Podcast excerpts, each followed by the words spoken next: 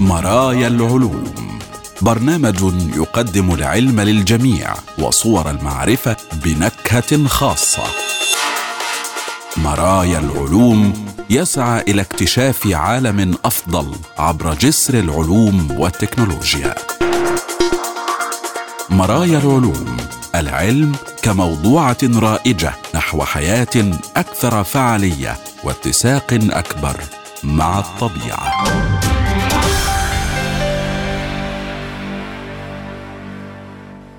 أهلا بكم وحلقة جديدة من برنامج مرايا العلوم حيث العلوم والحياة وصور المعرفة وتردداتها بلا حدود والسعي نحو غد أفضل يتسع للجميع ويفتح ذراعيه لعقول السلام. معكم أحمد أحمد وفي هذه الحلقة الفضول أم الضغط أفضل للتعلم؟ والفيزياء الغريبه وفجر عصر جديد.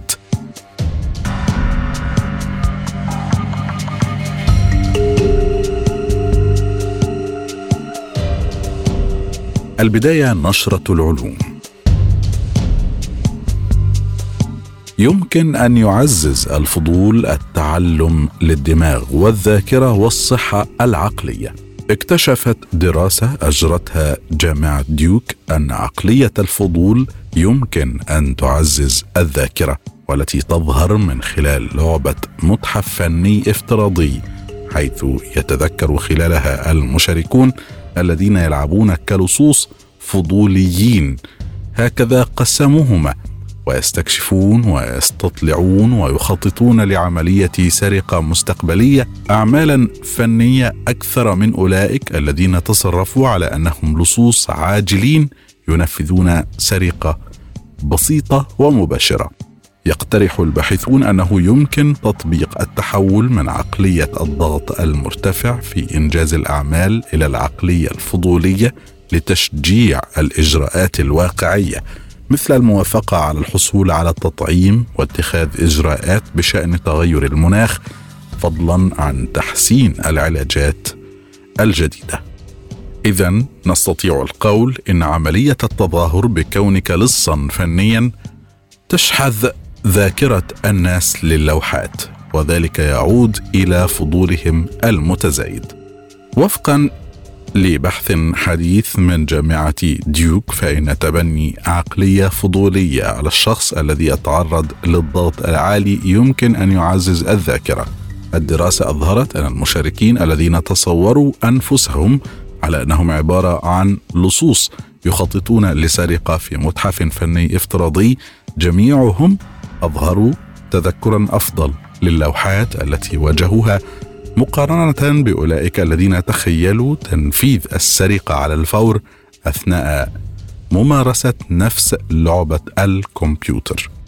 وبالتالي قد يكون للاختلاف الطفيف في الدوافع الحاجة الملحة لتحقيق أهداف فورية مقابل الاستكشاف الغريب والفضولي للأهداف المستقبلية آثار كبيرة في سيناريوهات الحياة الواقعية. وتشمل هذه تحفيز الناس مثلا على تلقي لقاح والحث على اتخاذ إجراءات ضد تغير المناخ وربما توفير علاجات جديدة للحالات النفسية. الباحثون جندوا 420 بالغا للتظاهر بأنهم لصوص فن ليوم واحد ثم تم توزيع المشاركين عشوائيا على واحدة من مجموعتين وتلقوا خلفية مختلفة.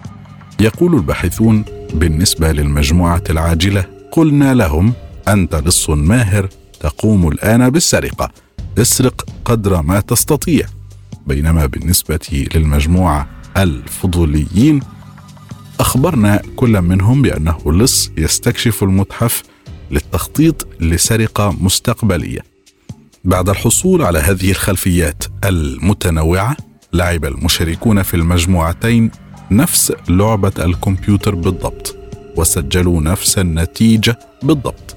استكشفوا متحفا فنيا بأربعة أبواب ملونة تمثل غرفا مختلفة ونقروا على أحد الأبواب ليكشفوا عن لوحة فنية من الغرفة وقيمتها.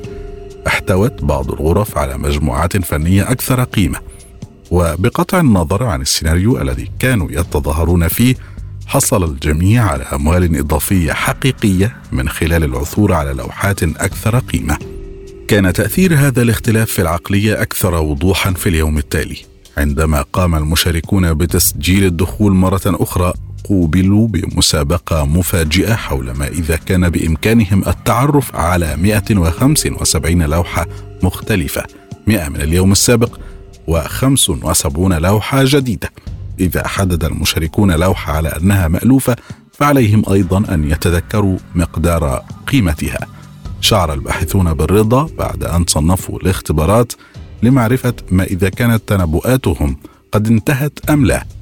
وقال الفريق البحثي كان لدى المشاركين الفضوليين في المجموعة التي تخيلت التخطيط لعملية سرقة كان لهم ذاكرة أفضل في اليوم التالي. لقد تعرفوا بشكل صحيح على المزيد من اللوحات كما تذكروا قيمة كل لوحة والمكافأة تقوي الذاكرة لذلك من المرجح أن يتم تذكر اللوحات القيمة لكننا كباحثين لم نرى ذلك في المشاركين في المجموعة العاجلة الذين تخيلوا تنفيذ السرقة المباشرة. كان للمشاركين العاجلين في المجموعة ميزة مختلفة رغم ذلك. كانوا أفضل في اكتشاف الأبواب التي تخفي قطعا باهظة الثمن. ونتيجة لهذا تعرضوا لمزيد من اللوحات عالية القيمة. ثم تم تقييم مخزونهم بحوالي 230 دولارا أكثر من مجموعة المشاركين الفضوليين. ومع ذلك فإن الاختلاف في الاستراتيجيات ونتائجها أي ذاكرة أفضل مقابل اللوحات ذات القيمة العالية لا يعني أن إحداهما أفضل من الأخرى. قال الباحثون من المفيد معرفة الوضع المتكيف في لحظة معينة واستخدامه بشكل استراتيجي. على سبيل المثال قد يكون الوضع العاجل والضغط العالي هو الخيار الأفضل لمشكلة قصيرة المدى. إذا كنت مثلا في نزهة وكان هناك دب فأنت لا تريد أن تفكر في التخطيط طويل المدى. أنت ساعتها بحاجة فورية إلى التركيز على الخروج من هناك الآن. قد يكون اختيار عقلية عاجلة مفيدا أيضا في السيناريوهات الأقل خطورة التي تتطلب تركيزا قصير المدى. كما أوضح الباحثون مثل مطالبة الناس بالحصول على لقاح كوفيد. ولتشجيع الذاكرة أو العمل على المدى الطويل يكون الضغط على الناس أقل فعالية. وفقا للباحثين فإنه في بعض الأحيان ترغب في تحفيز الناس على البحث عن المعلومات وتذكرها في المستقبل ما قد يكون له عواقب طويلة المدى على تغييرات نمط الحياة ربما لهذا السبب تحتاج إلى وضعهم في موقف غريب حتى يتمكنوا بالفعل من الاحتفاظ بهذه المعلومات. يتابع الباحثون الآن هذه النتائج لرؤية كيف ينشط الإلحاح والفضول وكيف ينشط أيضا اجزاء مختلفة من الدماغ. وتشير الدلائل المبكرة إلى أنه من خلال إشراك منطقة اللوزة وهي منطقة دماغية على شكل لوز تشتهر بدورها في ذاكرة الخوف فإن الوضع العاجل يساعد في تكوين ذكريات مركزة وفعالة ومع ذلك يبدو أن الاستكشاف المثير للفضول ينقل الدوبامين الكيميائي العصبي المعزز للتعلم إلى الحصين وهي منطقة دماغية مهمة لتكوين ذكريات مفصلة طويلة المدى. مع وضع هذه النتائج الدماغية في الاعتبار يستكشف الباحثون كيف يمكن لأبحاث مختبرهم أن تفيد المرضى الذين تعتبرهم طبية ونفسية. فقال الفريق معظم العلاج النفسي للبالغين يدور حول كيفية تشجيعنا على المرونة مثل الوضع المثير للفضول. ولكن من الصعب جدا على الأشخاص القيام بذلك لأننا نقضي الكثير من حياتنا البالغة في وضع الاستعجال. وأوضح الباحثون أن تمارين التفكير هذه قد تمنح الأشخاص القدرة على التعامل مع أيضا العصبونات أو تفاعلاتهم الكيميائية. وتطوير مناورات نفسية أو إشارات تعمل كذلك بشكل مشابه للمستحضرات الصيدلانية.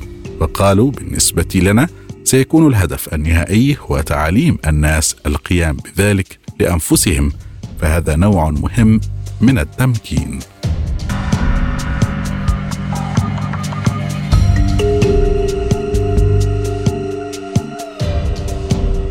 تم أخذ القياس الأكثر دقة حتى الآن لعزم ثنائي القطب للإلكترون. وضع علماء جامعة كولورادو أشد القيود حتى الآن على الحجم المحتمل للفصل في الشحنات الكهربائية داخل الإلكترون أو عزمه الكهربائي ثنائي القطب EDM في حين أن هذا لا يعني أننا نعرف ما هو هذا الحجم أو ما إذا كان موجودا بالفعل. إلا أنه قد يساعد في التخلص من الأفكار التي تشرح سبب أن الكون ليس مجرد مساحة فارغة. يتعلق هذا اللغز بتوازن المادة والمادة المضادة في الكون. جسيمات لها خصائص متشابهة جدا ولكنها صور معكوسة بطرق محددة بما في ذلك حالة الشحن الخاصة بها. تكمن المشكلة في هذا تحديدا بأنه يتنبأ النموذج القياسي لفيزياء الجسيمات بكميات متساوية من المادة والمادة المضادة من حولنا وهو ما لا يبدو كذلك. أيضا ليس هذا فقط ولكن جسيمات المادة والمادة المضادة تبيد بعضها البعض. لذلك من المدهش أننا تجاوزنا الانفجار العظيم وبالتالي فإن النموذج القياسي غير مكتمل جزئيا. وهناك جسيمات أخرى وتفاعلات جسيميه لم نكتشفها بعد. هذا يعيدنا بالتالي إلى العزم ثنائي القطب الدائم للإلكترون. يمكن أن يساعد هذا القياس في اكتشاف المادة المفقودة لأنه يشير إلى كسر التناظر وربما لا تتعارض المادة والمادة المضادة تماما بما يكفي لإلغاء بعضهما البعض بشكل تام وحاسم. كتب الباحثون في ورقتهم المنشورة إن عدم توازن المادة والمادة المضادة في كوننا يوفر دافعا مقنعا للبحث عن جسيمات غير مكتشفة تنتهك تناظر تكافؤ الشحنة.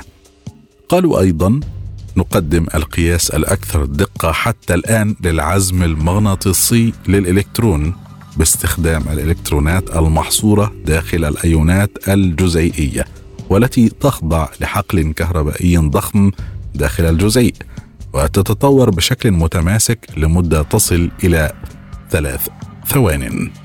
تضمن هذا الإعداد التجريبي المعقد بشكل لا يصدق المجالات المغناطيسية والليزر والمايكرويف ومجالات التردد الراديوي للتحكم في الإلكترونات وقياسها بعناية. في النهاية تم تعيين الحد الأعلى لهذا العزم حوالي 2.4 مرة أعلى من ذي قبل وحوالي مليار مرة أكبر مما توقعه النموذج القياسي ذاته. بشكل أساسي يظهر العزم ثنائي القطب فصل الشحنه اي أن شحنة الإلكترون ليست نقطة مركزية واحدة تماما ولكنها ممتدة قليلا. في هذه المساحة الإضافية قد نجد إجابات عن سبب حصولنا على مادة أكثر من المادة المضادة ولماذا لم تلغي هذه الجسيمات المتعارضه بعضها البعض؟ من الناحية الفنية يمثل هذا انتهاكا للتناظر الزمني وعادة في الفيزياء يبدو الضاد في عملية ما مجرد انعكاس للنشاط الذي يجري في الوقت المناسب. يجب أن يبدو متشابهين من جميع النواحي ما يجعل الوقت متماثلا. يحدث الانتهاك عندما تبدو بعض الجوانب الآن مختلفة في الاتجاه المعاكس وفي حين أن هناك أمثلة معروفة لانتهاكات التناسق الزمني إلا أن أي منها ليس بالأمر المهم بما يكفي لتفسير هيمنة نوع من الأمور على نوع آخر. وسيكون هذا العزم للإلكترون بمنزلة توقيع لانتهاك التناظر الزمني. وإذا كان كبيرا بدرجة كافية فقد يفسر عدم التطابق في المادة وتوأمها المعكوس.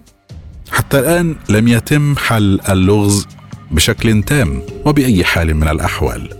لكننا على الأقل نقترب إلى أكثر من تفسير من خلال البحث عن أصغر التباينات التي يمكن أن تكون مفتاحا ومعرفة عزم ثنائي القطب الدائم للإلكترون إلى أكثر مستوى دقيق سيكون بدوره أمرا حاسما في تلك المسألة.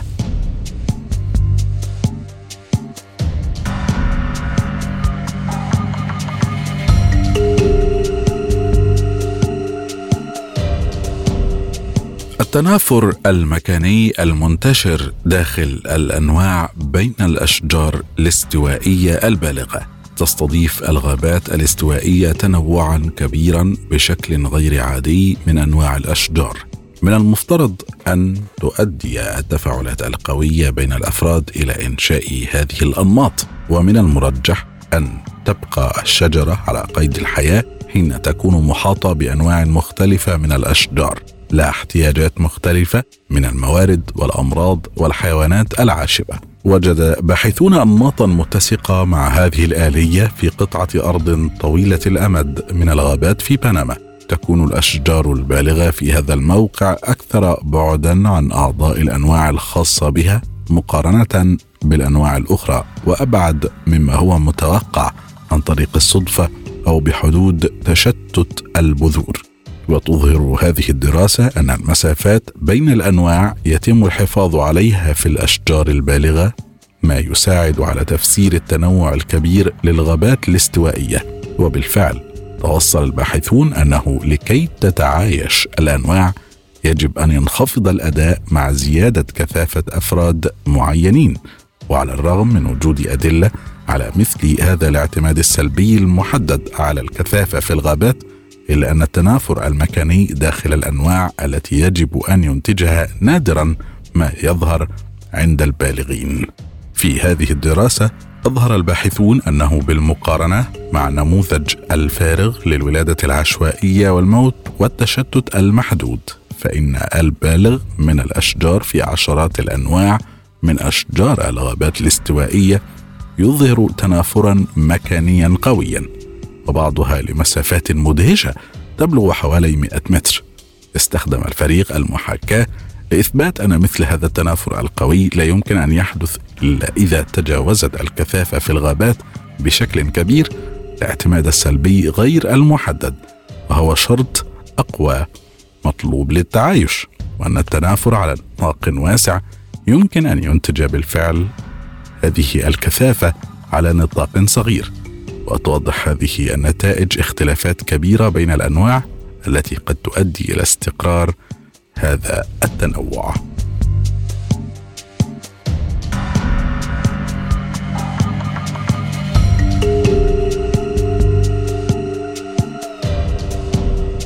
الموصل الفائق يطلق العنان للفيزياء النادرة.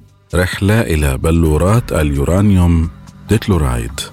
موجات الموصلات الفائقة لشحنة إشارة الفيزياء النادرة.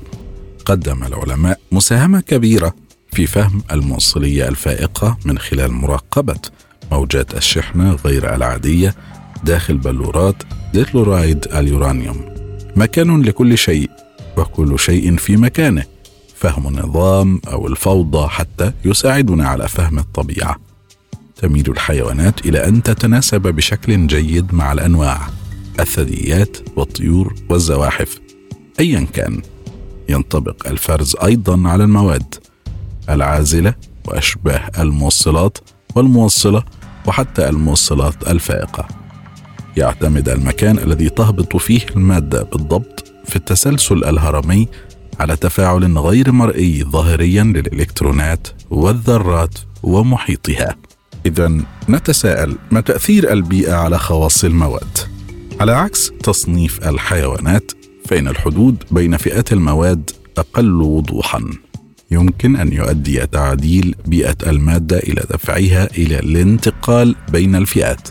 على سبيل المثال يمكن أن يؤدي خفض درجة الحرارة إلى تحويل مواد معينة إلى موصلات فائقة بينما يمكن أن يؤدي إدخال مجال مغناطيسي إلى عكس هذا التأثير حتى ضمن فئة واحدة.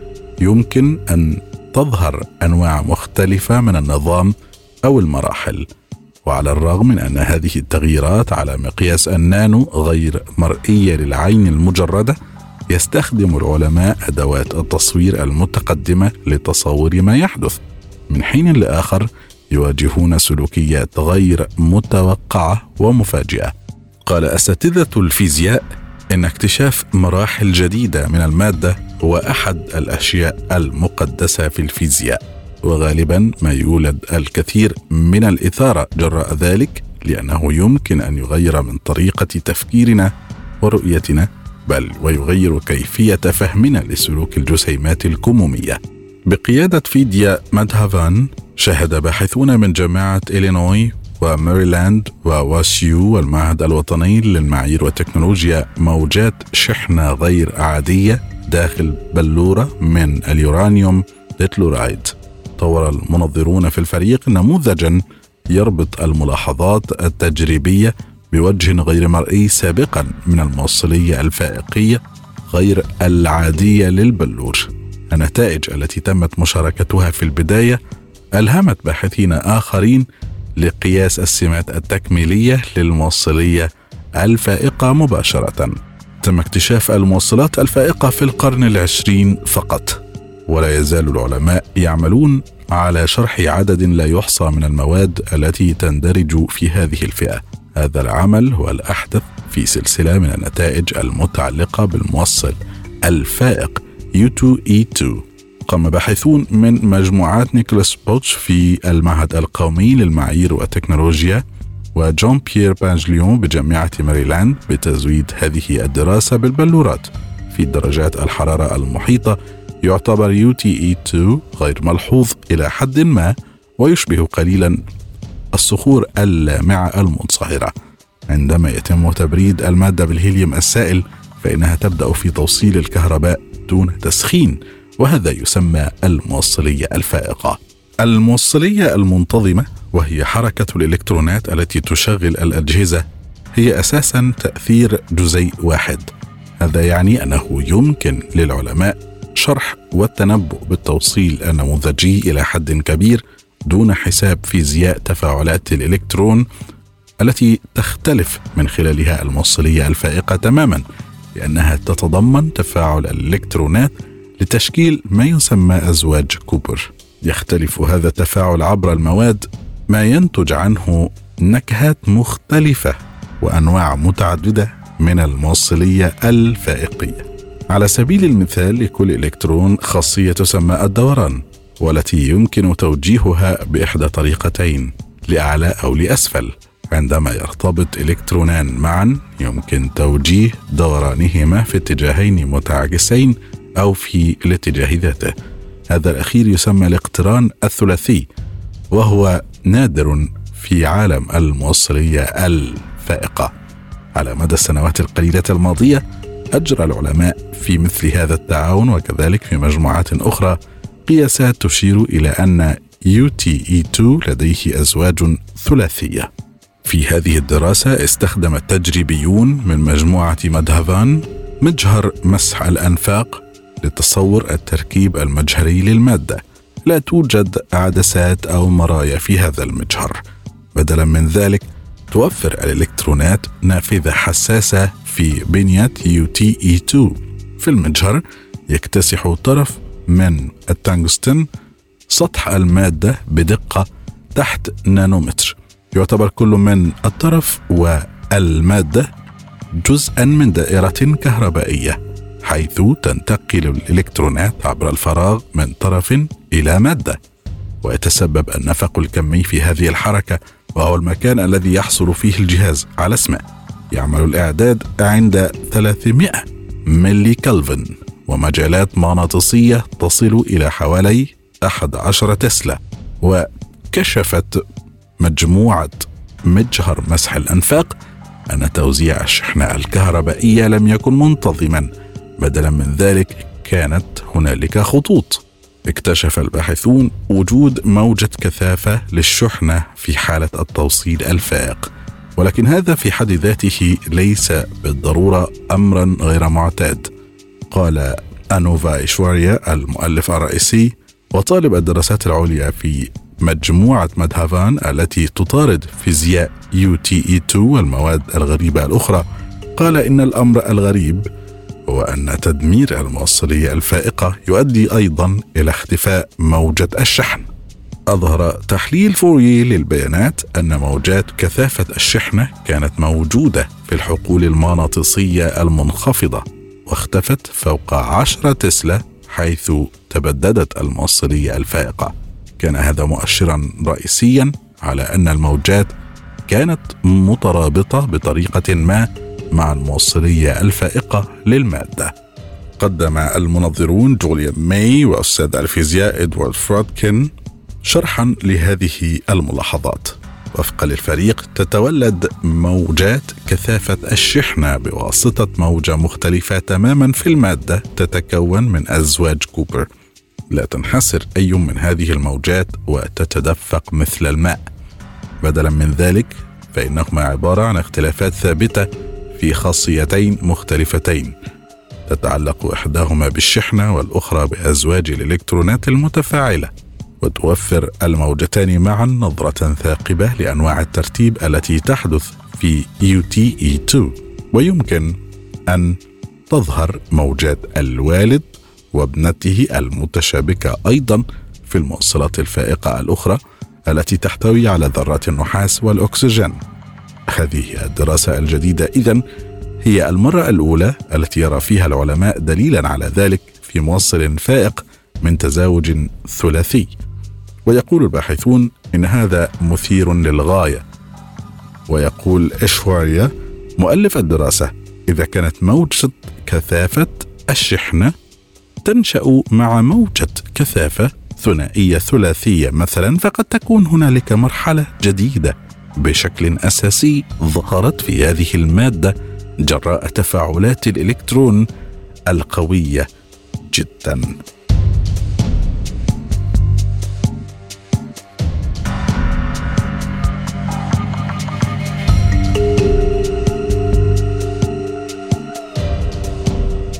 علاج تشفير أو تشويش إذاعي علاج غير جراحي قد يوفر راحة دائمة للألم المزمن.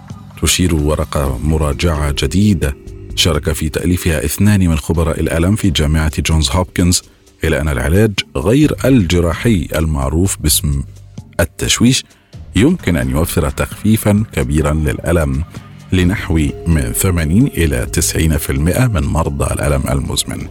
تقترح الورقة كذلك أن هذا العلاج قد يتجاوز فعالية علاج آخر غير جراحي وهو التحفيز الكهربائي للأعصاب عبر الجلد.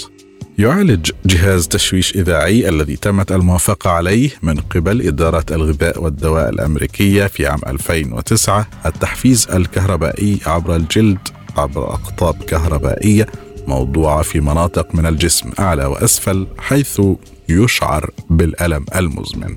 الهدف هو التقاط النهايات العصبية. إن تخفيف الألام غالبا ما يختفي بعد فترة وجيزة من إيقاف تشغيل النبضات الكهربائية وقيمت الدراسة وتم الاستشهاد بها في تخفيف الألام بين التحفيز الكهربائي للعصب عن طريق الجلد وإجراءات الدواءات التجريبية.